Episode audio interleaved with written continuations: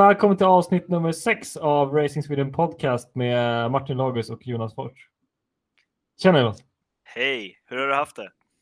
Nå bra! Jag ska säga på fina svenska, nå bra, nå, nå hyvä. Uh, nej men bra, rest lite i Norge, var uppe i Dalarna och körde hoj och uh, nyss varit i Frankrike och provat lite champagne. Ja, men vad trevligt. Vi får prata, får prata, mer om det också sen tycker jag. Nej, men det, ja. Jag har haft det jättebra faktiskt. Eh, mm. gjort en hel del och mycket saker på gång just nu. Vi lanserade merch för mig här i, eh, under hösten tillsammans med NIH och det är ett jättespännande projekt att få sälja lite racingkläder som är brandade med min egen satsning och allt vad vi gör för någonting i Forsfamiljen.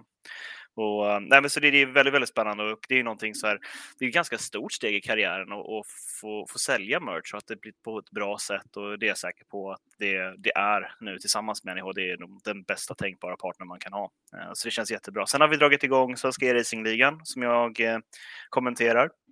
Varannan torsdag kör vi GT3-bilar virtuellt och varannan torsdag kör vi Nascar eh, virtuellt. Och sen har jag också fått äran att kommentera eh, SM i virtuell bilsport. Först nu i Formula 3 som pågår just nu, två race körda och sen så även ett senare i eh, Porsche GT3 Cup under hösten. Så det ska bli riktigt, riktigt kul att få kommentera dem också.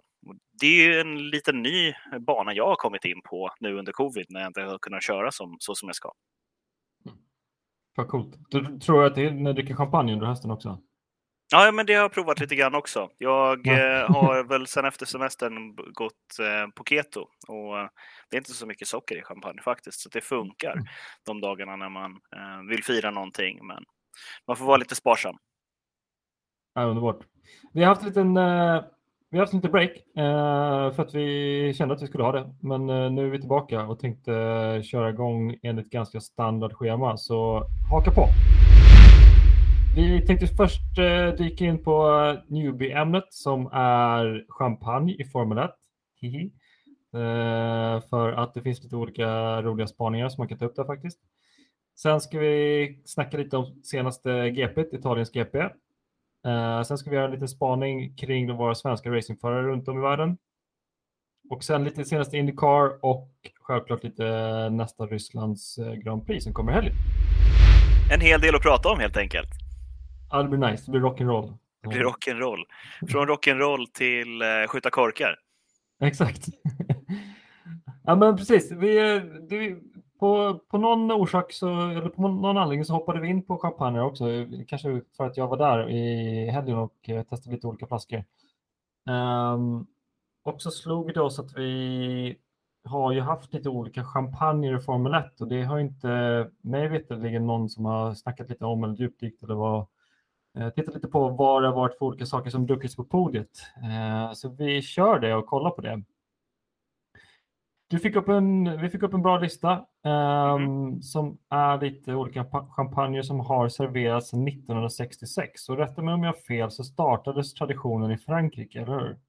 Jo, nej men precis. Det, man har väl druckit champagne på, och, eh, inte på podiet liksom, för det, det här med prispall är ett, eh, ett påfund som har kommit mer och mer med åren. Men en eh, tre liters champagneflaska delades ut till bland annat uh, Juan Manuel Fangio när han vann eh, i Frankrike 1950 redan.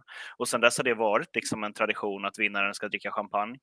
Och um, då var det ett litet, eh, en, en liten champagnegård som, som delade ut just den. Jag kommer inte ihåg vilka det var. Men sedan 1966 så klev ju ett, ett av de större husen in som partner under väldigt många år. Det vet du mer om Martin? Ja, eh, det vi var faktiskt på det huset, eh, Moët Chandon. Ehm, um, Moët Chandon har funnits med sedan 1966 som sagt och eh, för er nya i sporten så har ju Formel 1 funnits mycket längre än så. Eh, så att eh, det finns absolut saker som man har druckit eller inte druckit innan dess. Men 1966 så satte eh, Moët Chandon igång och serverade på bordet och de fanns med till 1999 så man kan absolut eh, proklamera att Moët Chandon är liksom huvudsakliga Formel 1-champagnen. Eh, absolut. Lite kort om Moët Chandon. De är eh, ett, ett producerande hus. De har, det vill säga att de har inte sina egna druvor i huvudsak. De eh, de köper in druvor från olika bönder eller vad ska säga, markägare som odlar sina vinrankor. Eh, och det är ganska påtagligt när jag cyklar runt i Champagne. Jag var i Epernay som ligger söder om eh, Schems. När jag cyklar runt där så ser jag ofta att det är Moët Chandon-markeringar på, på vinodlingarna. Så att det är, Moët Chandon är eh, det största huset mig veterligen eh, när man räknar antal producerade flaskor per år. Och eh, de har en sån typ av produktion att de, de köper in vinodlingar eller års, eh, årsproduktioner från olika eh, bönder eller producenter. Och som gör att de varje år kan eh, tillsammans med sina sommelierer eh, blanda ihop, man blandar faktiskt från olika årgångar på olika typer av eh, sättningar, olika typer av odlingar så att man får en konstant leverans av eh, champagnens smak som ska vara Moët Chandons eh, speciella smak. Um, mm. Så Moët Chandon är ett sånt typ av hus där man eh, plockar fram det och eh, alla kan ha olika, det är det som är kul med champagne, alla kan ha olika eh, smak och det finns inget, ingenting som är fel. Eh, men till syvende och sist så är Moët Chandon de största producenterna och de ägs numera av eh, lyxmärket eh, LVMH, eh, Moet Hennessy och Louis Vuitton-huset. Mm. Eh, så lite kul att veta att den eh, ja, största producenten av champagne är också den, den som längst har levererat till Formel 1. Det vore ju inte helt otroligt att se dem tillbaka i F1 med tanke på det ägarbytet då, där det finns lite mer, vad ska man säga, ekonomi under vingarna så att säga. För det krävs ju när man ska sponsra, eh, till, vara sponsor till F1. För att, jag menar, tre flaskor champagne, det är ingen kostnad för, för Formel 1 i, i sin helhet egentligen, men eh, att få, va, få placera sin produkt just precis där, eh, det är ju en av de absolut dyraste reklamplatserna i världen skulle jag kunna tänka mig. Men efter 99, vad kom det sen då? Exakt, som dök upp konkurrenter. MUM eh, var med från eh, 2000 till 2015. Eh, det är också ett, ett hus. Eh, man brukar säga ett hus. Kort, jag är inte, absolut inte expert på det här, men man brukar säga att hus är ett, väl en benämning på de eh, så att säga, husen som köper in champagne från andra. Sen så finns det självaste odlare. Odlare är de som eh, gör en champagne på sina egna vinranker kan man säga. Eh, och MUM är också ett hus man köper in från andra. Eh, MUM fanns 2015. Eh, också eh, ett, ett ganska känt varumärke inom Formel 1. Det är de som har en röda bandet som går diagonalt över flaskan. Eh, eller de som också hade en etta på, på, på, eh, som logotyp på framsidan. Det är faktiskt en sån, en sån flaska jag har hemma. Det är superkul. Um, och de fanns mellan 2000 och 2015. Sen har vi Chandon som eh, kom in mellan 2016 Australien och Spanien 2017. Så racen. Chandon antar jag misstänker efter med, enligt min undersökning att det är en del av Motte Chandon-huset så jag tolkar det som att det var det samma, samma, ska säga, samma företag. Um, sen har vi mellan eh, 2017 och 2019 Carbon eller Carbon eh, champagne, också en champagne. Eh, sen har vi igen Moët Chandon som har kommit tillbaka och fanns tillbaka år 2020. Eh, så det blir lite kul att se dem tillbaka, även fast man kanske inte alltid kände igen dem. Vi som har tittat efter 99 och framåt visste väl inte att de fanns riktigt. Men eh, Sen så har vi 2021 är det Ferrari som har kommit in och det är den första producenten som inte är champagne på podiet. Trendbrott alltså? Ja, det är lite italienarna tar över. Det, det är lite kul och uh, skrämmande och häftigt uh, att, att de byter traditioner på det sättet. Så att, uh, vi har tyvärr ingen champagne på podiet dessa dagar. Um, Sen så är, låter jag vara lite osagt vad det exakt finns i flaskorna i de länder där man har en muslimsk tradition. Um, jag har inte riktigt insiderinformation om man byter ut innehållet i, i Ferrari-flaskorna eh, nu för tiden eller hur det har varit under, under dessa traditioner. Ja, men det är så här, i alla fall i Bahrain och länderna runt omkring eh, i Mellanöstern, eh, Förenade Arabemiraten, eh, Saudiarabien och så vidare. Um, alkohol är inte förbjudet i de här staterna, men det är väldigt restrikterat kring hur och var och när man ska eh, få sälja det och vart du får eh, bruka det också. Um, ni som har rest till bland annat Dubai vet säkert om det, att man kan bli slängd i fängelse i väldigt många år om du är för berusad på gatorna där och sådana där saker. Så man får vara försiktig och att det bara finns alkohol och tillgång på vissa hotell bland annat och sådär. Um, så ehm, um, F-teamen får inte um, göra reklam för alkoholsponsorer på, på bilarna där. Vi har ju sett många alkoholvarumärken göra reklam för, på, på F1-banorna. Champagnemärkena är några, Johnny Walker är en annan eh, när det kommer till mm. whisky. Mm. Um, men där delar man istället ut då rosvatten. Um, och eh, rosvatten i kol, eh, ska man säga, kolsyrad form. Eh, jag tror att den är sötad också för att dricka. Det kallas för VARD, W-A-A-R-D, det man dricker där och det är ganska svårt att få tag på här i Sverige. Men är ni nere i Mellanöstern så är det lite lättare att få tag i det på lite finare restauranger och sådär. Det, det, man tar sig dit man kommer, det, men det, det är stört kul att få se lite skillnad på podiet tycker jag och få se vad som händer framöver. Jag tror ja, det, vi får väl ändå hoppas på att det dyker upp en champagne igen och kanske någon eh, av de mindre husen. Ja, nej, men kanske. Och det, det handlar ju om att det, det är dyrt att sponsra F1 helt enkelt. Eh, mm. Det är dyra reklamplatser och exponering, ja absolut finns massvis, men också själva varumärkesbyggandet. Just det här med att vinnaren får en champagneflaska, man firar med champagne när man vinner och att man tar, liksom, kan bygga det som en vad ska man säga, en rit, en ritual för när man firar då korkar man upp en flaska champagne och det är någonting som vi i västvärlden i alla fall sedan barnsben är uppvuxna vid att när, när man skjuter iväg korken, ja då är det någonting positivt som har hänt. Och det är en det är en häftig varumärkesplacering, produktplacering från början som man gjort sedan 50-talet och nu är det en eh, tradition eh, i, i all motorsport mm. världen över. Mm på svenska banor att juniorerna delar man ut Pommac och får skjuta flaskor och sådana här saker också. Så att, ja, men jag, jag, tycker att det är roligt, jag tycker det är fantastiskt och det är en viktig del av eh, ritualerna i, i europeisk motorsport i alla fall. Exakt. Och så, så finns det en annan dryck man dricker på när man vinner Indy 500. Mm. Mjölk. Ja, det funkar väl det med. funkar det med? Nej, men... Mig veterligen får man välja vilken typ av mjölk också, om man ska ha röd eller blå. Eller? Precis, röd, blå eller om man vill ha chokladmjölk eller hur man vill ha sin mjölk tillredd. Men mjölk ska det vara i alla fall och det, det har väl att göra med att Indianapolis och eh, områdena där omkring, det kallas ju för the America's bread basket. Man har otroligt mycket eh, odlingsmark och mycket mm. eh, kreatur också. Mm. Ja men gött.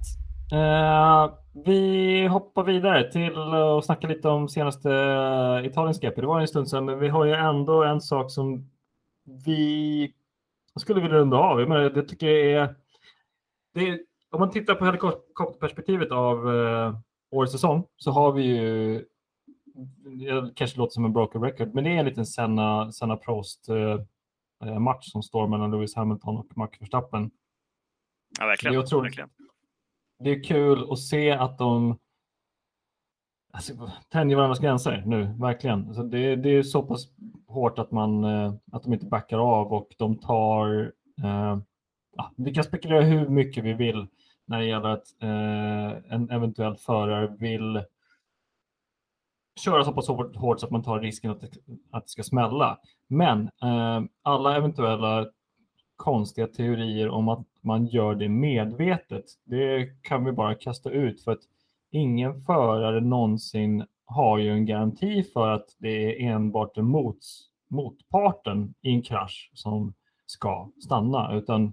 du har ju inga garantier för att du själv ska gå ut ur en krasch eh, som en vinnande part. Så att, att, du, att någon någon gång börjar spekulera i att nej, men han gjorde så med flit för att det det finns ju ingen människa som kan med säkerhet eh, beta av att uttagen av den här kraschen kommer vara till min fördel. Så det, det kan vi helt klart stryka.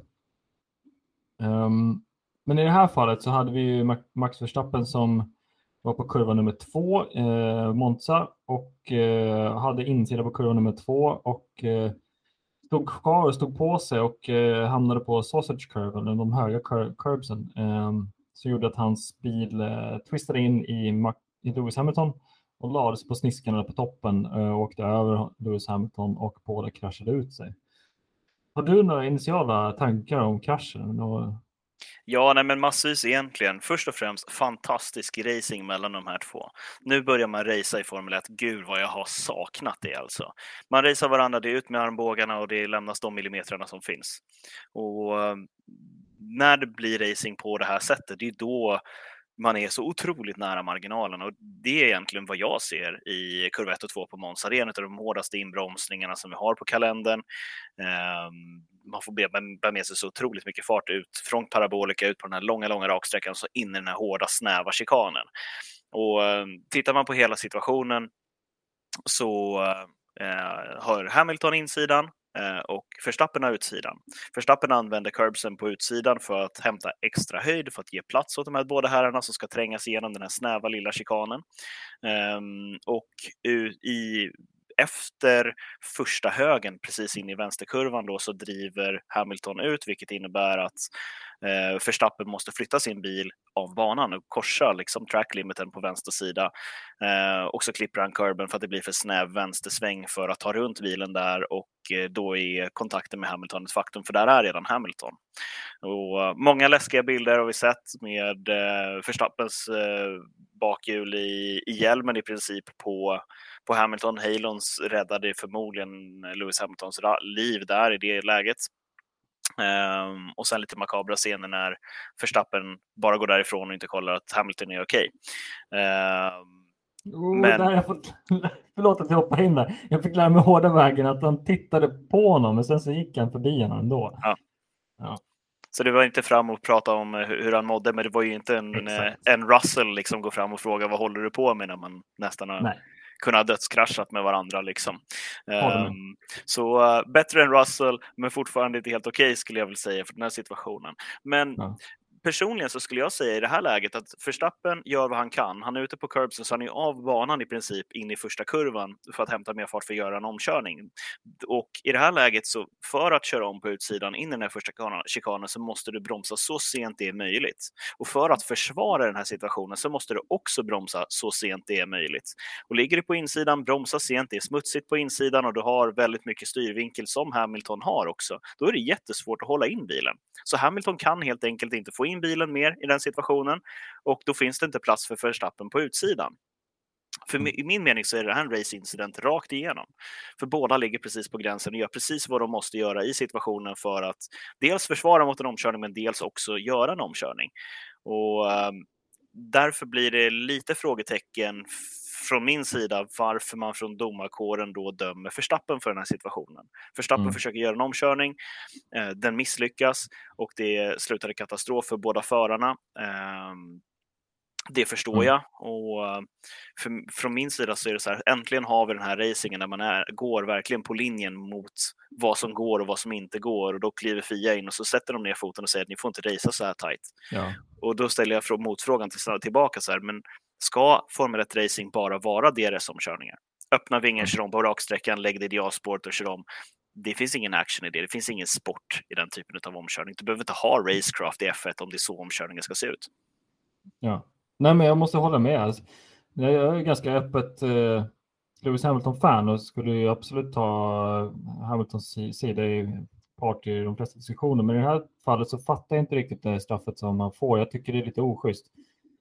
Det, du, jag, håller, jag är med på din linje. Det borde varit en racingincident. Jag tycker både var fair. Eh, den där kurven var den som gjorde att Max bil slungades tillbaka mot Lewis Hamilton. Jag ser det inte som att, som att Max hade en speciellt stor skyldighet att undvika den där kraschen. Han, det skulle man absolut kunna börja argumentera för att han borde kört ut eller han, han borde släppt ifrån. Men det skulle också Lewis Hamilton kunna gjort och släppt mer eh, sidbredd mot kurva 2. Så jag, är förvånad över domslutet. Eh, om någon frågar om jag inte håller med domslutet skulle, skulle jag väl säga ja, nej, det, jag håller inte riktigt med. Eh, absolut, det är nog den lättaste typen av, av domslut som kan komma som inte påverkar allting för mycket. Men jag är lite för, jag är skeptisk och förvånad över att det kommer. Jo, att, nej, men det, det, det, som det känns från min sida är att man letar en syndabock i, i det här fallet. Och då är väl Verstappen den man ska skylla på för det är han som gör en förändring av situationen överhuvudtaget. Hade han bara stannat kvar bakom Hamilton då hade det inte funnits någon situation överhuvudtaget.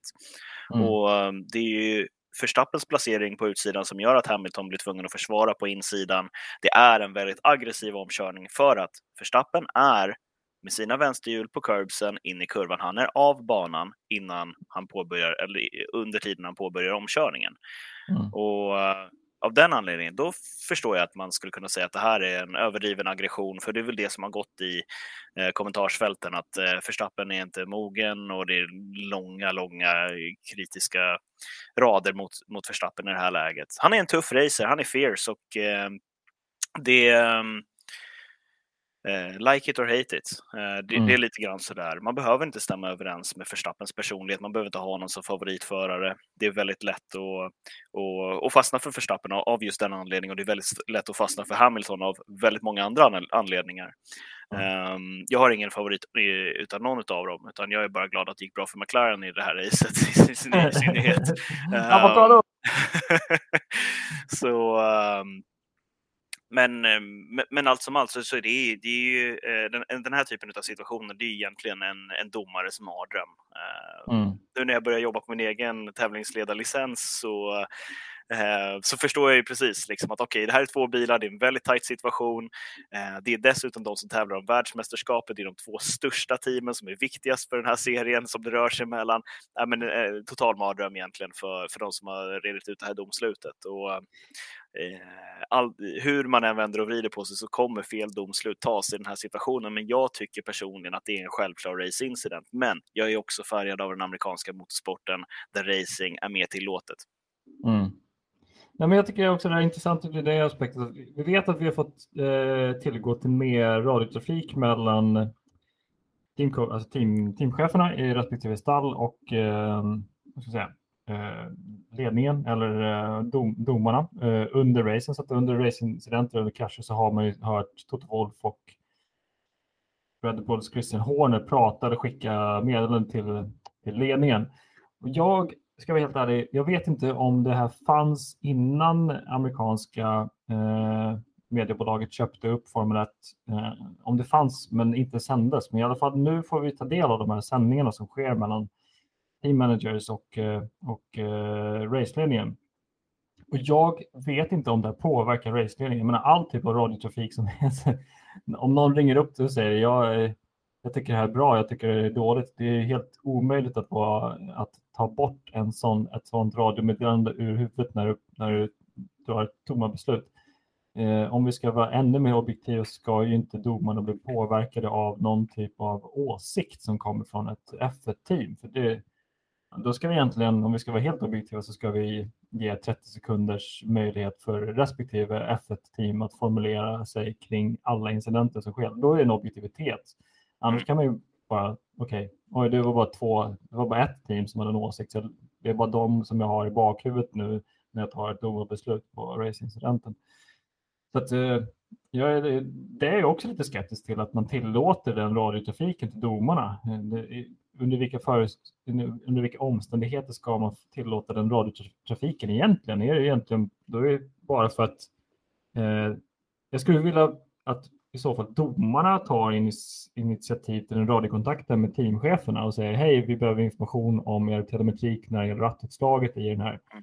Eh, inte tvärtom att teamcheferna kan ringa upp dem och säga hej, nu måste ni kolla på mitt mejl som jag skickat här för att XYZ. Uh, jag är lite skeptisk till, till den domarbeslutet, den, eh, den incidenten i helhet. Uh, ja, Nej, det, är otroligt, det är otroligt viktigt för, för tävlingsledningen att vara objektiv hela tiden och sådär. Och det, det är ju ganska återkommande. Vi får inte glömma bort att om du sitter i tävlingsledningen för eh, för Formel 1 så är det inte anställd av F1 för att vara tävlingsledning endast, utan FIA har ju otroligt mycket kontroll över vad du gör för någonting, vilka beslut du tar och sådana där saker. Och FIA kan dra in din tävlingsledarlicens och det är ett ganska härligt jobb att vara domare i F1.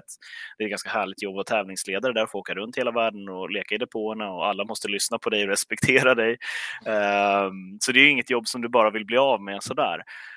Och ehm, F1 kanske vill att det här domslutet ska tas på ett sätt för det är bra för business, men eh, Fia försvarar ju också ett världsmästerskap här. Och det är det här som är det stora Eh, det, det som gör motorsporten bakom ridåerna så otroligt spännande, att det är skillnad för, på det själva sportsliga. Vem är den som förtjänar att vinna? Mm. Um, och um, vad är bra för business? För att Fia jobbar ju steg för steg för att bli erkänd, alltså för motorsportens erkännande globalt. Fia vill ju inte vara till någon skillnad att, att racing ska inte vara eh, en mindre sport än friidrott. Liksom. Det är ju vad, vad Fia jobbar för så att säga. Och mm. det, ehm, det är därför man jobbar ganska aktivt med antidopingsprogram inom motorsport och sådana här saker. Det finns massvis eh, med projekt som Fia bedriver. Och, mm. Ehm, och därför kan man inte bara låta vilka beslut tas eh, hur som helst av vem som helst heller. Um, så skulle de märka att den här tävlingsledaren tar väldigt, väldigt sketchy beslut och tolkar reglementet på ett väldigt konstigt sätt och så här är inte vår bild av vad motorsport ska vara. Då kan man ryka. Mm. Så det um, F1 är en väldigt, väldigt bra cirkus eftersom att de har kontrollorganet FIA då. Mm. Verkligen. Ska vi, ska vi ska dra lite kort eh, F1 eh, Championship standings? Eh, eller? Absolut. Senast, så att vi bara har lite koll på senaste, hur det har hänt. Eh, en växling under hela året har det skett. Det är ganska intressant. Eh, mig veterligen har det inte växlat så här mycket mellan två förare på väldigt många år. Så att, eh, fram till Monaco så ledde eh, Lewis Hamilton Hmm. Sen så växlade det upp Max Verstappen, så Max Verstappen ledde till Monaco, men ledde också i Baku. Eh, sen fortsätter Max Verstappen ha en ledning ända vägen fram till eh, Silverstone och det blir alltså 5-6 race ungefär. Eh, och där gick Lewis Hamilton upp i ledning igen i Championshipet eh, vid Hung Hungaroring eh, och ledde också på nästa spa. Och efter Sandevort och Monza så har Max Verstappen gått upp igen i Championship-ledning och Max Verstappen ligger nu etta i Championship igen. Så lite kul. Hur många poäng eh, skiljer det mellan Hamilton och Verstappen just nu? Lewis har 221,5 poäng och vi har Max Verstappen på 226,5. Mm. Och halva poängen kommer väl ifrån spa där, eh, där man delade ut halva poängen eftersom att man bröt den efter sex varv eller fyra varv bakom säkerhetsbil eller hur det vart nu i den cirkusen där. Exakt. Tråkigt för fansen i Belgien alltså. Ja, sjukt tråkigt. Ja, det, jag, jag har inte hört några rapporter om de har fått tillbaka sina pengar faktiskt. Jag hoppas det. Ja, det eh. hoppas jag också. Och tråkigt för, för banans spa och tråkigt för Ja, kanske inte staten i Belgien, för de, de som mm. har köpt sina biljetter har fortfarande rest dit och då har man dragit sina intäkter i och för sig. Men, men tråkigt för banan också. Det, är, det är ju alltid eh, årets evenemang om man skulle få eh, Formel 1 till sin bana så att säga. Vi vet ju bara hur, hur pratet gick när DTM skulle till Anderstorp. Nu var det inte det av på grund av pandemin då, men mm. Men alltså, om de inte kan få pengarna tillbaka så hoppas man att de har eh, till nästa år i alla fall eh, samma plats som de kan nyttja. Jo, eh, precis. Sen så har vi sett massa diskussioner efter det om att man ska göra bilarna så att de kan köra i, i regn och så vidare. Och där har motkommentaren är väl att man, man kan inte ta bort regnet för att det kommer in vattenspray i ansiktet på, mm. på förarna. Men så vet jag inte om, om aerodynamiken i dagens eh, bilar som också kommer bli förändrat till 2022 eh, påverkar också vattensprayet, att det inte blir lika, lika högt uppkast eller liknande. Det vet jag inte. Men eh, konstigt var det när det inte blev en race på grund av regnet. Det har inte jag sett. Men ändå ett bra beslut. Det, det kan ju hända vad som helst under sådana här regnlopp och Eh, det har vi sett tidigare också eh, när man drar ut hjullastare på banan och så vidare och så vidare. Eh, mm. Mm. Så det, nej men, man får ju alltid tänka på förarnas säkerhet också. Vi hade ju ganska många våldsamma krascher i Rouge nu eh, under det här året. Jag pratar om benbrott. Eh, Formula W hade ju en otroligt stor smäll där också. Mm. Och vad jag förstår det som så rör det sig om ett kärlskott i, i Oroge. Att eh, det har blivit en grop som inte ska vara där och träffar man den på fel sätt då går man av banan och sen sitter man i muren. Sitter det en bil i muren då följer oftast flera, flera efter. Då. Mm. Um, så är det en krasch i någon form av GT-racing. Jag tänker inte yttra mig vilken för då, då kan jag bli hängd. Men, äh, men Formula W i alla fall kom ju ett par veckor därefteråt och en liknande krasch i samma kurva. Liksom. Så att, äh, man har väl beslutat att den ska byggas om också. Ja, det är bra. Det är på tiden i alla fall, när det börjar bli så där i alla fall. Och det är tråkigt för att det är en av de mest ikoniska kurvorna i världen när det kommer till motorsport och den är ju otroligt mäktig om man säger så. Mm. Men eh, på sin tid i alla fall. Men tajt mästerskap som du var inne på där mellan Hamilton och Verstappen och det, ska ju, det här är en av de absolut bästa F1-säsongerna på många år tycker jag. Mm. Jag kan bara hålla med. Det är bara att följa varje race och soak it all in för nästa år kommer en ny bil och då kanske det blir som första gången man bytte till de nya motorn att bilar inte kommer i mål och sådär. Alltså jag vill påstå att på slutet av varje motorperiod, motors, eh, vad ska man säga, motorera, mm. då har man den bästa säsongen som finns och så, så byter man. Yep. Eh, och så kommer det alltid någon som har mest pengar som utvecklas lite bättre till nästa års reglement eller reglementesperiod. Och så då är de långt före de andra, precis som var i början på hybrideran. Eh, ja, så blir det tråkigt tills eh, eran börjar ta slut. Så att, eh, det här är faller ju in i diskussionen på hur lång tid det tar att utveckla en bra Formel 1-bil och det är, liksom, det är mellan tre till fem år. Det, titta på Schumacher, just det, by the way, titta på Schumachers dokumentär på Netflix. Det är ett måste. Alla som har sett den eh, kommer välkomna tårar i ögonen.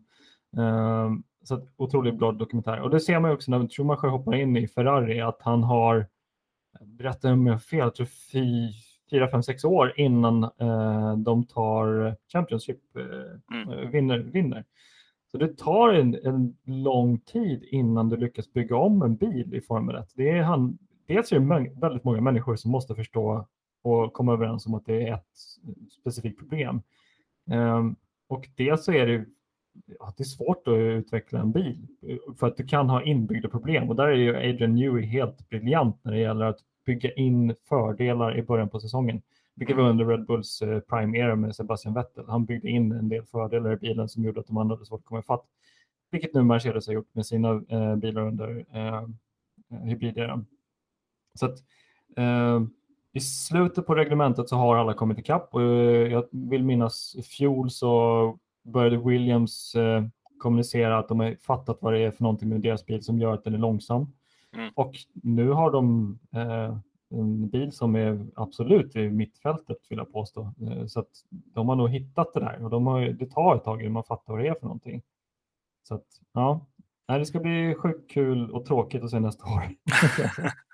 Nej, men det blir spännande på ett sätt. Eh, vilka är det som har utvecklat bäst? Vilka är det som har tänkt rätt? De har ju otroligt begränsad träningstid också. Så mm. det, det är inte som i början av 2000-talet när man kunde ta sin eh, testbana och ut och göra varv på den och prova, prova, prova, prova. Eh, mm. Det var ju prat om det i runt 10-talet där någon gång. Eh, att Ferrari hade stoppat i en F1-motor i en vanlig Ferrari och te testat med den bara för att komma undan. Mm som de fick utreda då. Uh, och det, ja, men det, det är rätt så intressant. Hur, hur kan du göra för att komma runt reglementet liksom? och är det värt att göra det? Och just motor och eh, drivlina och sådana saker, det, det, är ganska värt att testa ut om du kan fula till det för att få upp uh, tilltron till att det håller. Liksom. Det, det, ja. det, driftsäkerheten är otroligt viktig, men sen å andra sidan, det är en sak att stoppa en, en eh, drivlina och en motor i en eh, i en vanlig bil, en GT-bil till exempel. Och, för den har inte samma downforce, den har inte samma belastning in och ut i kurvorna. Det är en annan sak om du driver ett eh, prototypteam i LMP, eh, Le Mans-prototyperna då, eh, mm. som ligger ganska nära prestandan av en F1-bil, men inte riktigt där då. Mm. Eh, så därför skulle det vara intressant att se Porsche i F1, för de har varit ja. väldigt framträdande där. Porsche Volkswagen. Jag tror jag laddade upp en eh, Youtube-klipp idag om det i F1-gruppen och eh, det ska bli sjukt kul att se. Det verkar som att de har en del om MGUH. Jag tror det är H. MGUH som de fortfarande kommer, försöker komma överens om, för det är, verkar vara en, en cornerstone i hybriderans eh, svåra motorpaket som de försöker komma överens om, om de ska försöka hålla det. Eh, om jag fattar det rätt och minns rätt så är det diskussioner om man kan ta bort det till 2026 eller tidigare eller senare.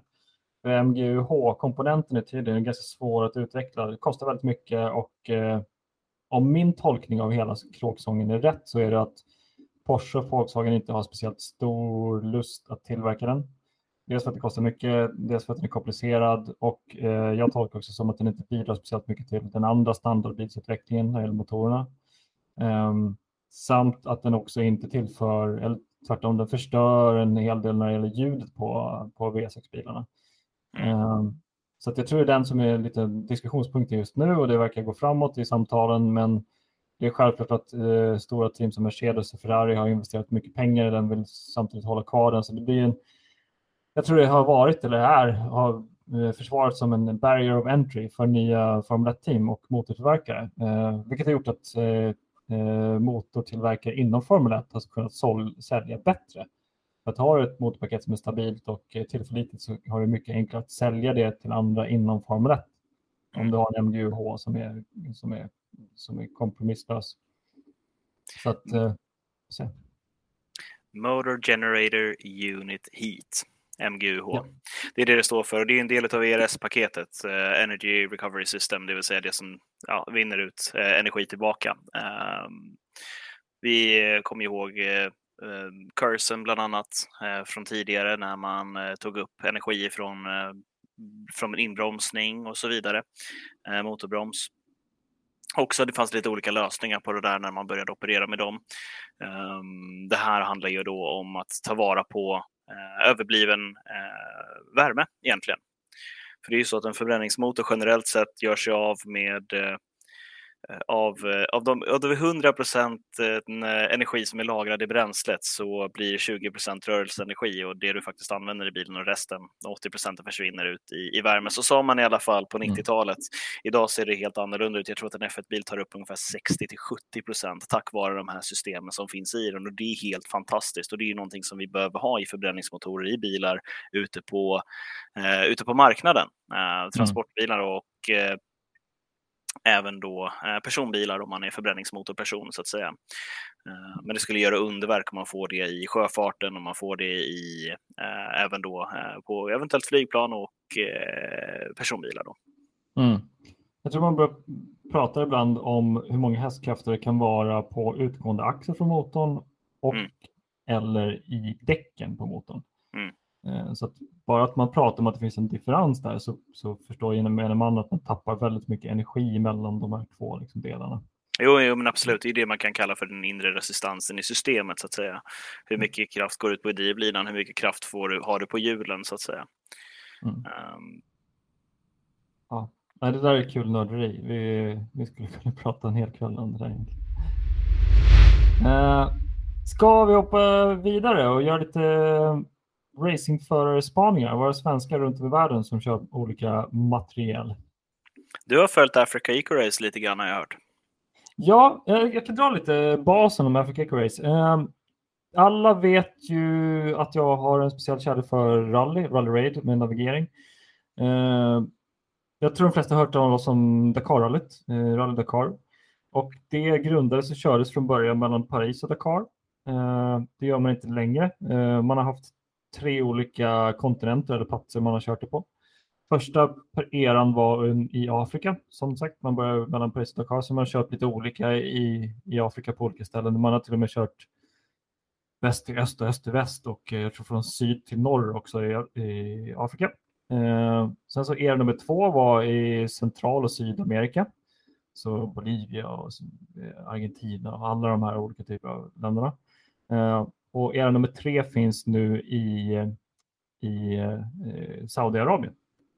Varför jag nämner det här är för att eh, Dakar har nu flyttat till olika regioner och det finns ett annat rally som heter Africa Eco Race som har funnits sedan, ja nu ska jag inte säga årtalet, jag kan inte årtalet, vi skippar det. Det har funnits eh, sedan en tid tillbaka och de kör på den klassiska Dakar-sträckan, Rally Dakar-sträckan.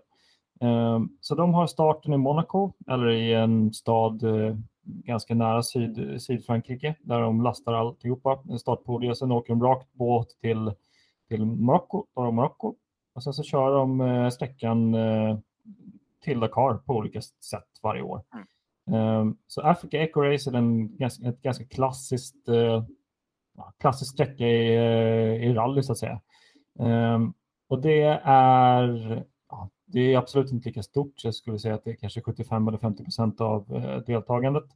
Eh, budgeten för att vara med där är mycket lägre, så att det var mycket, mycket mer möjligheter att vara med där. Eh, längden, distansen är ganska lik. Eh, det brukar vara lite olika dagar, men ungefär två veckor varje år. Ehm, och eh, kördistansen är också, vad ska man säga, det differerar olika år till år, men det är ungefär samma som ett Dakar.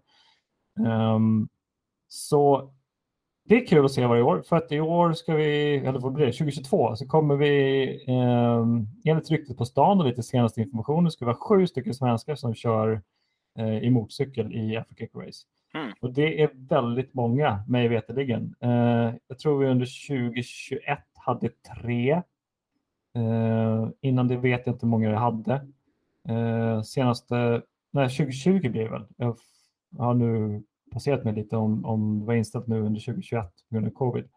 Eh, vi hade i alla fall tre senaste gången och eh, vi kommer få sju stycken den här, här gången. Eh, mig veterligen är det också en del personer som inte har kört fem dagar plus rallys, så det kommer bli jätteintressant att se hur det kommer gå för våra svenskar. Eh, vi kommer följa online och kommer försöka göra så mycket som möjligt för att publicera och se deras eh, framfart, framgång. Eh, så sjukt kul Jag kan tyvärr inte nämna några namnen. Det är lite, lite, lite informellt och halvformellt, eh, men det kommer nog publiceras så fort jag bara kan det kommer bli sjukt kul. Ja, men det är riktigt spännande och jag gillar idén av att man är tillbaka på de här gamla sträckorna och att eh, det politiska läget i de här regionerna har stabiliserats så pass mycket att man faktiskt vågar ha ett evenemang på det här sättet i alla fall. Vi vill ju ha tillbaka det klassiska Dakar-rallyt såklart eh, mm. så småningom. Men vill inte världen det ännu så är det bara för oss i motorsportvärlden att eh, tålmodigt vänta. Exakt. Men Martin, jag har följt lite rallycross. Du har kört? Oh, oh. Jag har inte kört rallycross, men jag har följt rallycross. Underbart. Några som däremot har gjort det för Sverige är Timmy och Kevin Hansen och Johan Kristoffersson och det går fantastiskt bra för dem just nu. Kanske inte för Kristoffersson, han vill väl vinna det här mästerskapet. Han ligger trea just nu och så har han båda Hansen-bröderna framför sig, så att vi svenskt i topp tre i rallycross just nu. Och det, det här är ju en, en motorsportgren som, som går så fantastiskt bra för Sverige och vi har en uppsving verkligen de här senaste åren och det är faktiskt ganska mycket mycket tack vare eh, Hansen, Kristoffersson och, och även Olsberg skulle jag faktiskt lyfta på hatten ganska stort för. Och sen så har vi även då Robin Larsson har gjort ett fantastiskt jobb också. Så att det, nej men många av eh, e-, egentligen hela Rallycross Sverige eh, går på högvarv och fortsätter leverera och det är det som är så otroligt roligt att se. Eh, Mattias Ekström har kört eh, två race än så länge, eller ja, i, i Riga senast. Han har gjort bra ifrån sig där också. Det, det är roligt att han, han ännu kan, så att säga. Um, han var i 20-årsåldern när jag började min karriär så att säga. Så är frågan hur länge kommer han hålla på? Hur länge kommer han leverera när han väl hoppar in och kör så att säga. Men eh, Timmy i ledning i rallycross-VM just nu. Kevin på en andra plats och Johan Kristoffersson på en tredje plats. Så eh, ja, stort lycka till, till eh, till de här herrarna. Det ska bli kul att följa de nästkommande tre loppen som återstår då, Belgien, Portugal och Tyskland. Ja, kul. Underbart. Eh, lite kort rapport också, Extreme E som vi har följt och snackat lite om. Det är den nya elbilserien som är offroad rally-serien i Smithslandbana. Men eh, våra svenskar går det bra för där med. Eh, på första plats just nu i eh, Championship Standing så har vi Johan Kristoffersson och Molly Taylor. På två ligger Sebastian Löb och Kristina Gutierrez. Sen så har vi på tredje plats Katie Munnings och svensken Timmy Hansén. Sen så på fjärde plats har vi våra två svenskar som är Mikaela Olin Kutulinski och Kevin Hansén. Så det är svenskt där också i dessa vad ska säga, det är ju en rallycross-serie fast lite e, e-racing. Ja, nej, precis. På, på, med elektrisk eh, drivning så att säga. Och det är ju rallycrossförarna som är där. Och det, jag tycker det är roligt att eh, Kristoffersson eh, och Hansen-bröderna kan, eh, kan dubblera eh, och göra bra ifrån sig i två serier så att säga. Eh, I WTCR just nu då så ligger eh, Ted Björk på en sjunde plats och sen eh, lite kämpigare har syskonen Bäckman, Jessica på den 21 och Andreas på den 22 just nu. De har totalt tagit tre poäng var, eller inte på var, men tillsammans. Och jag pratade ganska mycket med Andreas Bäckman sista helgen här nu. Vi var iväg och kollade på lite gokart tillsammans och så roadtrippade till Örebro eh, och, och sådär. Och, äh, han satt och grämde sig mycket över äh, den nya bilen som de har fått ifrån Hyundai. Och, äh, framför allt att man har homologerat för lite delar. Man har bara en stötdämpare och man är inte alls nöjd med den. Man måste mm. vänta till nästa säsong innan man släpper en ny. Och IE20 som de körde förra säsongen var eh, enligt utsago då mycket, mycket, mycket snabbare mot den här nya bilen som de åker nu. Och um, Sen vart den boppad på ett sätt så den inte var lika konkurrenskraftig, men han tror då att de hade varit snabbare med den ändå. Eh, eftersom att den har kortare hjulbas och är byggd på ett helt annat sätt så att säga. Men Hyundai vill inte att man kör med den. De vill visa att man kan köra fort med den här andra bilen. Och, mm. Target Competition som han kör för just nu och tillsammans med Jessica då bland annat Eh, har inte fabriksstöd och det har de andra två Hyundai-teamen. Så det är lite kämpigt och det är jobbigt när det blir så där att du hamnar i ett team som Eh, Eh, har lite dåligt momentum. De var ju väldigt snabba i Europaserien i TCR eh, tidigare och nu kliver man upp till WTCR istället då. Så det är lite två, eh, två utmaningar i en. Även om det är samma bil så när du är ny i en helt ny serie, det är mycket som teamet måste lära in sig i, nya rutiner och allting runt omkring det där så att säga. Och, eh, Andreas var lite, han var lite irriterad över att förare som han vet att han kan slå, som han alltid har slagit förare, förut, är snabbare i WTCR. Så att, eh, mm. för, vi, vi, får hoppas på att eh, man finner någonting mer i, i materialet eh, under säsongens gång. Men han ska köra på Mantorp i STCC faktiskt. Ja, kul, kul. Hoppas inte materialet tar så lång tid att utvecklas som det är i Formel 1, det tar år. Liksom. Nej, men det beror lite grann på um, vilka delar man kan homologera in och sen så handlar det också om, här har du flera olika biltillverkare som bygger bilar inför den här serien och uh, då ska man lyckas att ja, men den här stötdämparen vill, vill vi köra med den här bilen och då kanske arrangören säger att ja, men den där kan ni inte köra med, då blir ni för snabba och, och sådär. Um, så mycket politik uh, när det kommer till touring car racing. Men uh, det är fantastiskt roligt att vi har tre svenskar i WTCR som är världskuppen uh, ehm, i standardbilsracing och förhoppningsvis då så kan man finna lite rättare för, för syskonen Bäckman. Men uh, och Ted vill vi såklart se högst upp på listan, inte på sjunde plats. Mm. Absolut. Ja, men kul. Ska vi hoppa vidare och dra lite kort om senaste Indycar? Absolut, det går bra för Marcus. Ja, faktiskt. Eh, fjol så, nej, fjol. Senaste gången de var i samma bil, Marcus och Felix, så började man ju liksom potta upp den här diskussionen igen, att nu får vi verkligen se vem som är bäst av de två. Eh, mig veterligen så vann nu Marcus den, den gången. Eh, men nu har vi Marcus på femte plats. Eh, vi är, de är i olika team nu. Vi har Marcus på femte plats och Felix på 22. Eh, på grund av väldigt logiska förklarliga händelser för Felix, eh, krasch och eh, DNFs. Eh, men ja, Marcus hade, har en teknisk matematisk möjlighet att fortfarande kunna fighta som första, första platsen i, eller i alla fall podiet i, i, eh, i mästerskapet. Men eh, väldigt, it's, it's possible but not probable anymore. Mm. Eh, så, men det är sjukt kul att se att Marcus eh, vad ska man säga, är tillbaka i sån form som man hade inom Formel 1. Eh, han har ju två vinster den här säsongen och det är så mm. fantastiskt roligt att se Marcus vinna igen. Vi har följt ja. hans satsning under så många år och det är, eller ja, hans karriär egentligen, är inte en satsning längre, det är en strålande karriär Marcus har haft. Um, och det är väl någonting som, som jag har saknat att se sedan GP2-tiden.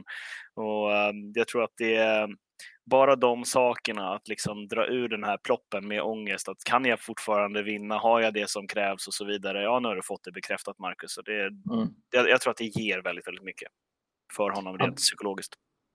Ja, hundra procent. Det var inte bara han som hade tårar i ögonen när han vann, utan jag med. Och det, ja, nej, men det, det känns bara så rätt på något sätt. Äntligen är han tillbaka där han eh, bör vara. Och eh, alla argumentationer som har gått kring honom och hans prestationer i Formel 1 vill jag i alla fall påstå har varit onödiga för att man ser när han sitter i samma material som andra människor att han är väldigt, väldigt, väldigt konkurrenskraftig. Till och med till, eh, han ska vara, kunna slåss om podiet när han får lika eller samma eller bättre material, lika i det här fallet. Um, så att uh, det finns många gamla diskussioner som jag minns från Formel 1-tiden om att det inte är samma material som man sitter i och de tycker jag blir på något sätt lite bekräftade när man stod på Marcus sida och sa att nej men vänta här, det finns en uggla i mossen innan vi drar slutsatser av Marcus prestanda så är det ju faktiskt så att man inte har samma bilar även fast man kör i, i, ett sam, i samma stall som en annan person. Jo, nej men precis. Det, ehm, det handlar ju som sagt om att har du ett, bil med, ett team med eh, tre eller fyra bilar, då har du en motor som är bättre än den fjärde motorn så att säga. Och vem som får dem, det, det är en ganska stor skillnad. Och ehm, från den erfarenheten som jag har i racing så är första föraren, han får den bästa motorn och den näst bästa motorn som reserv och sen mm. så får andra föraren tre, fyra så att säga. Så att det, det blir skillnad till slut, så blir det ju. Ja, men titta på en teambudget. Du kan inte alltid tillverka två av alla delar. Och ibland är det på ett race och har inte, liksom, du kanske inte har fyra motorer med dig utan du har mm. kanske tre. Så pajar en. Det finns två motorer, en respektive bil, så finns en tredje reservmotor. Så pajar en, någonting går sönder så måste man byta ut motorn. Då får ju, då går den till, men ja, det, det är bara matematisk eh, logisk tanke att det kommer finnas vissa delar som först går till en förare som kanske tar eh, har Championship-ledning i poänget i teamet eller är signad att vara en, en, eh, en vad ska man säga, en Mer prioriterad förare helt enkelt. Det, och det, så är det ju när du bygger ett racingteam. Du kan ha förare som har olika uppgifter i teamet så att säga. Som vi har pratat om tidigare, det är, mm, ett team kan ha tre förare i tre helt olika åldrar. Det kan ha en 18-åring som är den unga nästkommande talangen som teamet bara väntar på ska mogna och kunna göra resultat. Sen har du den som gör resultat som är runt 30-årsåldern så att säga och sen så har du, det är den som ska vinna mästerskapet. Sen har du en 40 eller 50-åring där bakom som antingen är en gentlemannaförare eh, och ser till att pengarna rullar in eller så är det en förare som har presterat väldigt, väldigt bra eh, tidigare i sin karriär som bara öser över erfarenhet över de två andra. Mm. Och det kan vara väldigt tryggt som förare eh, i ett team när man är ny i en sak. När jag gjorde min premiär i USA 2017 så hade jag en förare som var i 40-årsåldern som har kört precis allt. När jag körde 2018 till exempel så hade jag Will Kimmel som min crew chief. Han har kört i Nascar Cup Series, Xfinity Series, Arca Series. Han har kört professionellt i 10-15 år.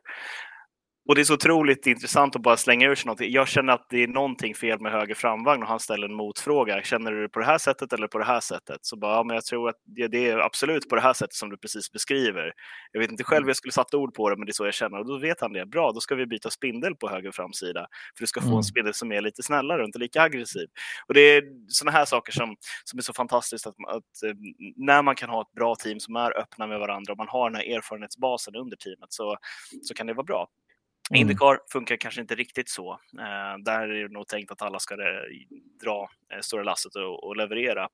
Och eh, en annan sak som jag tycker är någonting som vi måste lyfta i Indycar är Romain Grosjean, vilken mm. insats mm. han gör just nu. Han ligger på 15 plats, han tävlar för Rickware Racing och Rickware Racing är känt som Rickware Pacing för att man i andra delar av sina motorsportsatsningar, bland annat i Nascar men även i IMSA, inte riktigt hänger med. Man har inte det här fullständiga materialet som man behöver för att vara konkurrenskraftiga, men Grosjean kan ratta bil och det märks väldigt tydligt. Han har kommit in i en stadie i sin karriär tror jag där han har slappnat av två steg och han har börjat mogna på riktigt, tar inte de här riskerna som vi såg honom göra 2010 till exempel i F1 och, mm. och sådär. Så att, eh, det, det, ska bli intressant att följa honom under, under hans utveckling i, i Indycar. Och en annan sak, intressant spaning är just att Indycar har ganska många F1-förare eller för detta F1-förare med sig i um, eh, sin lineup just nu. Marcus och Grosjean är ju två utav dem. Um, Men sen så har vi också sett Max Chilton bland annat och Kevin Magnussen kör där också. Och det, det vore nog inte helt omöjligt om F1-cirkusen skulle kunna plocka hem någon av de här förarna för att jobba i management senare under deras karriär. Så det, ehm, det är det som är så Nej. roligt med motorsportvärlden. Det är så otroligt liten ankdamm när det väl kommer till den här spetskompetensen som är så svår att få. Mm. Sen ska det faktiskt bli lite kul att se. Jag vet, det är många som säger att det kanske blir lite för sent för Felix att ta steget till Formel 1, men han, han jobbar ändå med Arrow McLaren som har signat ett nytt uh, mångårskontrakt. Så det, mm. det, det, är väl inte, det är väl inte helt sannolikt att det kan hända att man går från Indycar i Felix ålder in till Formel 1, men uh, det, det, är väl möjligt. Uh, men det är sjukt kul. Uh, superkul att se Grosjean och vara där. Han, hans omkörningar senaste racet gjorde han med ganska full attack bara. Skick, skicka in den om den i corkscrewen och eh, mm. det var någon gång du höll på att gå åt pipan men det är så kul att se att hans, hans aggressiva förarteknik i Formel 1 har han bevarat på något sätt och sen kunna applicera det i, i Indycar-bilen på, på, på rätt sätt. Uh, och nu med lugnet som du säger, det är sjukt kul att se. Ja, vi ska ju sätta ett utropstecken på den omkörningen. Det rör ju sig om omkörningen på Jimmy Johnson. Eh, Jimmy Johnson har inte varit så snabb i år. Han var varvad och i Indycar så får du, hålla, du får kämpa om att inte bli varvad till skillnad från mycket av europeisk racing. Och det var någonting som Jimmy Johnson hade gjort ganska flitigt under det racet och det visste nog Grosjean om att jag får den här chansen, annars så kommer han ligga och stänga mig i tre varv och det har inte jag råd med. Så det, vet man bakgrundshistorien så förstår man vad bakgrunden till, till den attacken kom. Men det blir ju så otroligt kaxigt när den här fransmannen kommer från Formel 1 in i ett eh, underdog-team som Rick Ray Racing och så gör han det på den sjufaldige eh, Nascar-mästaren Jimmy Johnson som är någon form av levande legend i motorsportsammanhang i USA. Att det, det, det blir uppmärksammat kan man säga. Ja, ja det är häftigt. Jättemos, ska vi eh, dra nästa race, Rysslands eh, Grand Prix? Mm. Tillbaka till Sochi. Sochi. Den tillverkade staden och det är, det är lite som Dubai. Den är tillverkad. Låtsasstad fast den är på riktigt. Ja, exakt. 18 kurvor ska vi köra. Körde sitt första GP 2014. Vill du fortsätta? Uh, ja, uh, vi kan ta cirka, men det blir 50, de har alltid kört 53, 53 varv där. Uh, banan är 5,8 kilometer lång vi har 309 kilometer, brukar alltid vara runt 310. Uh, Varvrekord 2019 av Lewis Hamilton. Mm. Och banan i sig, den, ja, vad ska vi säga, en trasig sko. Det ser lite ut som. En trasig sko. Vi diskuterade ju där bland annat kurva 11, om kurva 11 faktiskt är en kurva eller inte. Ja. Hur man räknar kurvorna. Ja, jag tycker inte det. Om vi, om vi ska ta fram linjalen så tycker jag att det faktiskt är rakt mellan, okay, mellan 10 och 11 så är det en liten böj. Där ja. tycker jag kurva 11 ska vara. Sen så om vi placerar min 11 där då mm. så blir det rakt mellan ett parti och sen så tycker jag vi ska ha en kurva mellan nuvarande 11 och 12. Jag tycker det är en raksträcka det svänger lite grann. Det är en svepande raksträcka, men du håller fortfarande full fart. Ja, precis. Under DRS-zon dessutom. Ja. Men i alla fall, ja. Ja, vi, ja, det här med rysk bansträckning. Men vem har, vem har ritat banan? Sochi Autodrom är ritad av Tilke såklart. Ja, men Tilke. ja. det är bra. Det är en speciell eh, bana. Jag tror Eh, ryktet på stan säger att det är ungefär den banan som de flesta skulle kunna tänka sig att skippa om man måste ta bort en ur racekalendern. Varför då? Att, eh, jag tror att det är dels för att eh, självaste området, eh, eller liksom atmosfären kring, kring banan utanför banområdet inte är speciellt det är ingen festlighet. Mm. Om jag fattat rätt. Om du åker till till exempel Kanada eller Italien eller spa eller all, massa olika länder så har du en stor det är en, det är en kultur där som är väldigt eh, gammal och du har alltid ska säga, barer och fester runt omkring. Man vill ha Dels... party när man åker och kollar på Formel 1 eller om man åker och deltar i Formel 1. Ja, men eller hur? Det ska vara lite... Stan ska pulsera. Man jämför ju med Monaco, absolut. Men stan ska pulsera. att det liksom, det, det, racet har kommit till stan ungefär. Jag tror dels det. Och sen så fattar jag som att den här banan har en höjdskillnad på 1,9 meter. Så den är helt platt. Okej. Okay. Mm -hmm. Ja, du får ja. inte samma flyt liksom, utan det är, det, det är kurvsträckningarna som du får leka med. Ja, det är ju det. Det är liksom ratta höger vänster så du behöver inte alls fundera på de, den andra vertikala stigningen eller någonting. Um, vilket, eh, rätta mig om jag fel, alltid har varit en älskad uh, komponent i uh, racing. Att du uh, upp för en backe, sen har du täckt kurva som du inte ser igenom. Sen ska du ut, sen ska du höger, sen ska du ner. Korkskruvar, det är i och för sig Laguna Seca i och för sig, det kör man inte. Men, det låter som Road America eller, eller Laguna Seca. Den amerikanska banan ser oftast ut så där de gillar dolda krön. Ja, exakt. Och Spa har ju ja. det. Eh, till och med Kota, en väldigt ny bana i USA, har ju faktiskt också en, en amerikansk extrem... bana. Ja, upp, uppförsbacke som är väldigt spännande och sen så svänger det vänster, sen ska det ner, sen ska det liksom zigzacka igenom äh, kurvpartiet. Så att upp och ner eh, faktorn saknas i heter Sochi Autonomo, vilket jag tror att den är ganska så här, blä, inte speciellt eh, omtyckt på det sättet. Nej, nej, men jag förstår vad du menar och det finns ju några omkörningstillfällen som känns lite självklara än de andra, men jag tycker att i sättet banan är ritad på så blir den ju ganska knepig. Kurva 2 till exempel, där skulle du kunna köra om på utsidan eftersom att kurva 3 svänger väldigt, väldigt långt till vänster. Den är ju väldigt svepande och lång och, och halvsnabb kan man väl säga. Um, det känns som att det är ganska återkommande med de här Tilke-banorna, att omkörningar på utsidan blir möjliga. Uh, de mer äldre banorna, där, där måste du nästan köra om på insidan. När du har en H0 till exempel, då passerar du på insidan. Men det är inte så gott om, eh, om H0, i alla fall på den här banan skulle jag säga. Jag ska inte säga att jag ser en enda faktiskt. Um, så kurva 2, omkörningstillfälle. Jag skulle välja utsidan in i den. Uh, insidan in i kurva 4 kan du eventuellt, om du får mer i farten ut i trean, bättre än den framför. Uh, inbromsningen in i kurva 5, mm, ja kanske. Um, om den blir tillräckligt hård. Kurva 8 skulle kunna vara ett alternativ. Kurva 7 tror jag inte på. Um, och sen så har vi då efter, eh, så först så har du ju DRS-zonen då genom det som är kurva 11 och kurva 12, så där behöver du ju inte bromsa dig förbi på samma sätt så att säga. Eh, och det är just det som blir lite problematiken när man ser så här, okej, okay, hur, hur ska man göra en bana som är bra? Mm. när det kommer till bandesign så att säga. I, i F1-banorna så, så, har det ju flesta del, mesta delen av omkörningen sker antingen i depån eller så sker de eh, genom DRS.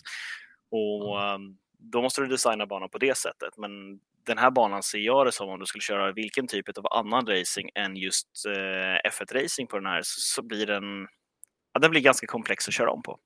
Mm. Ja, det ska bli intressant att se vad som händer. Um fem poäng skiljer just nu Lewis Hamilton och Max Verstappen. Mm. Så att det, det är inte stora marginaler vi har att leka med. Så det kommer ju, trots att banan är som den är så kan det ju bli väldigt spännande racing på söndag. Vem blir världsmästare Martin? Ja, uh, the golden question. Um, jag sätter mina pengar på Lewis Hamilton. Vi har så pass många race kvar ändå så att uh, jag tror faktiskt Max Verstappen har en osäkerhet och volatilitet som, som eh, Lewis Hamilton nu har satt, satt fingret på. Eh, och han vet att, att eh, Max Verstappen kommer ta alla tillfällen han kan att köra på, och köra om.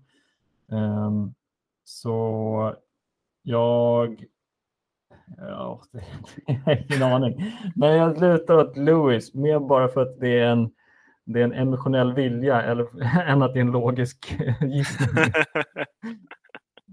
Nej, men det... Vad, vad säger du? Martin? Ja, jo, men jag tror på Verstappen. Uh, absolut. Ja. Um, till, till 60 procent Verstappen, 40 procent Hamilton. Och av den anledningen att ingen har gjort åtta mäster, mästerskap tidigare.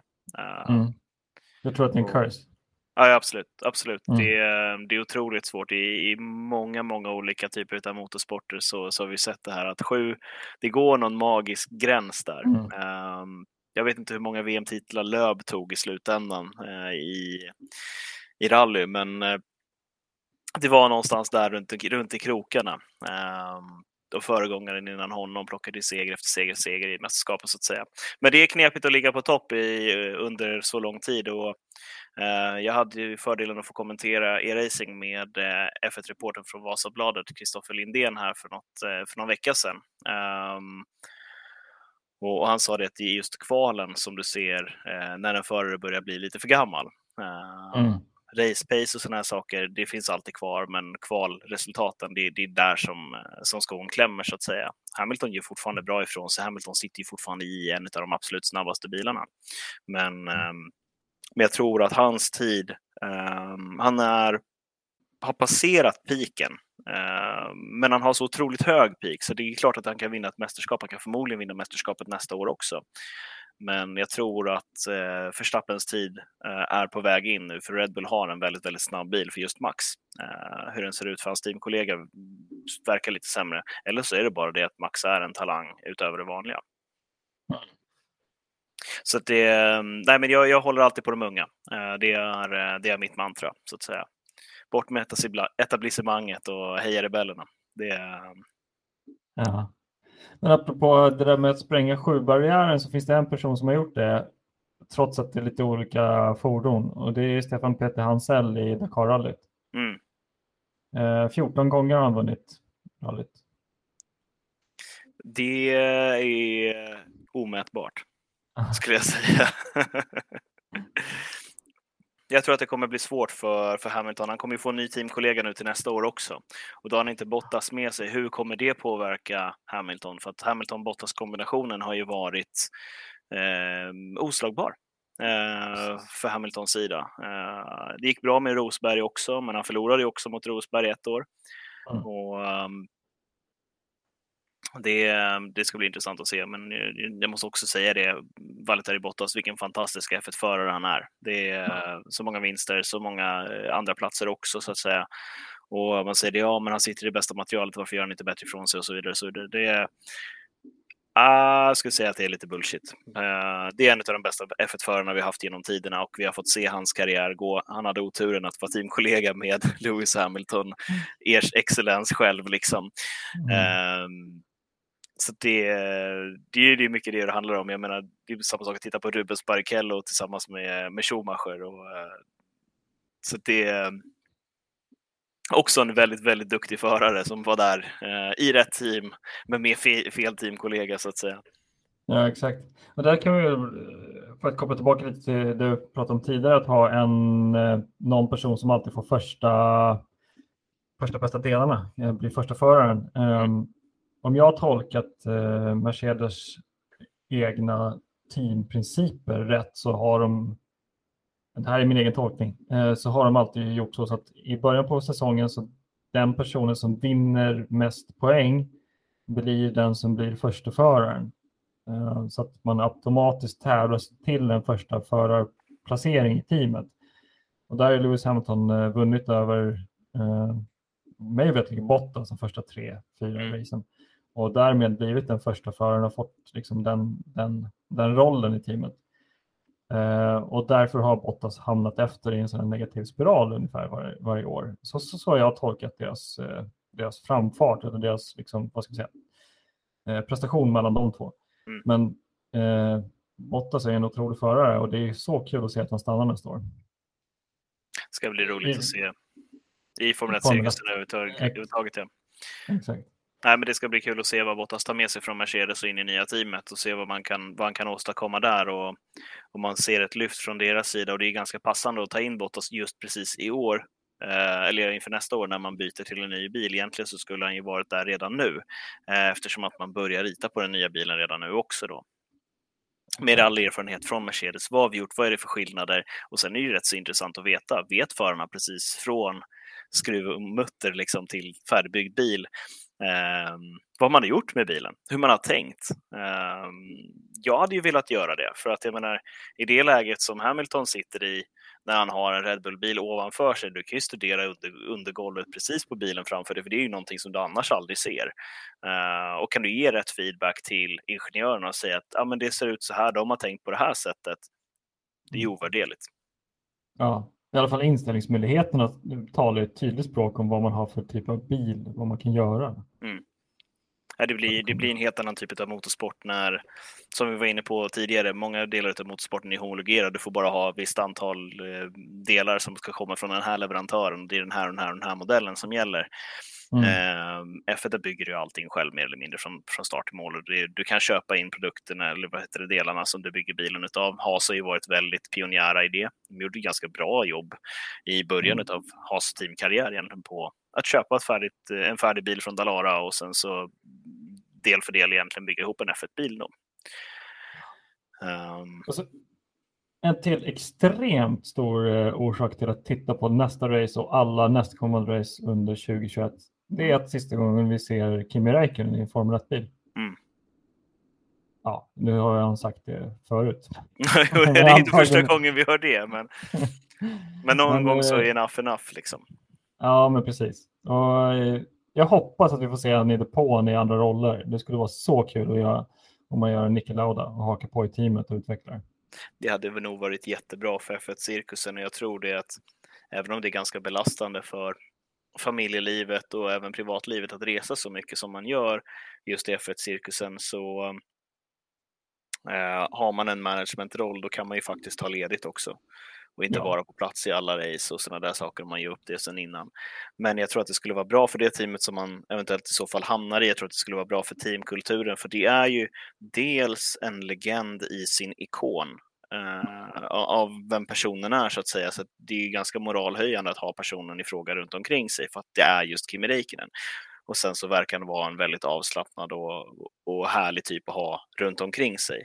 Som jag tror skulle sprida en ganska bra energi. Att okej, okay, det är F1 vi håller på med. Men vi ska ha roligt också lite grann. Exakt. Men det är, om man hakar på en annan typ av teamroll eh, inför nästa år så kommer det bli två finnar i teamet ändå. Det är nice. Jo, det är sant. Gött! Ska vi runda av för uh, denna gång? Det tycker jag. Det har varit mycket att prata om och det finns mycket mer att prata om, men det tycker jag vi sparar till en annan vecka. Vi kör igen nästa gång så snackar vi upp lite av allt möjligt. Då. Stort, stort, stort tack för ikväll. Tack själv Jonas. Vi ses och hörs efter Ryssland. Det gör vi. All right.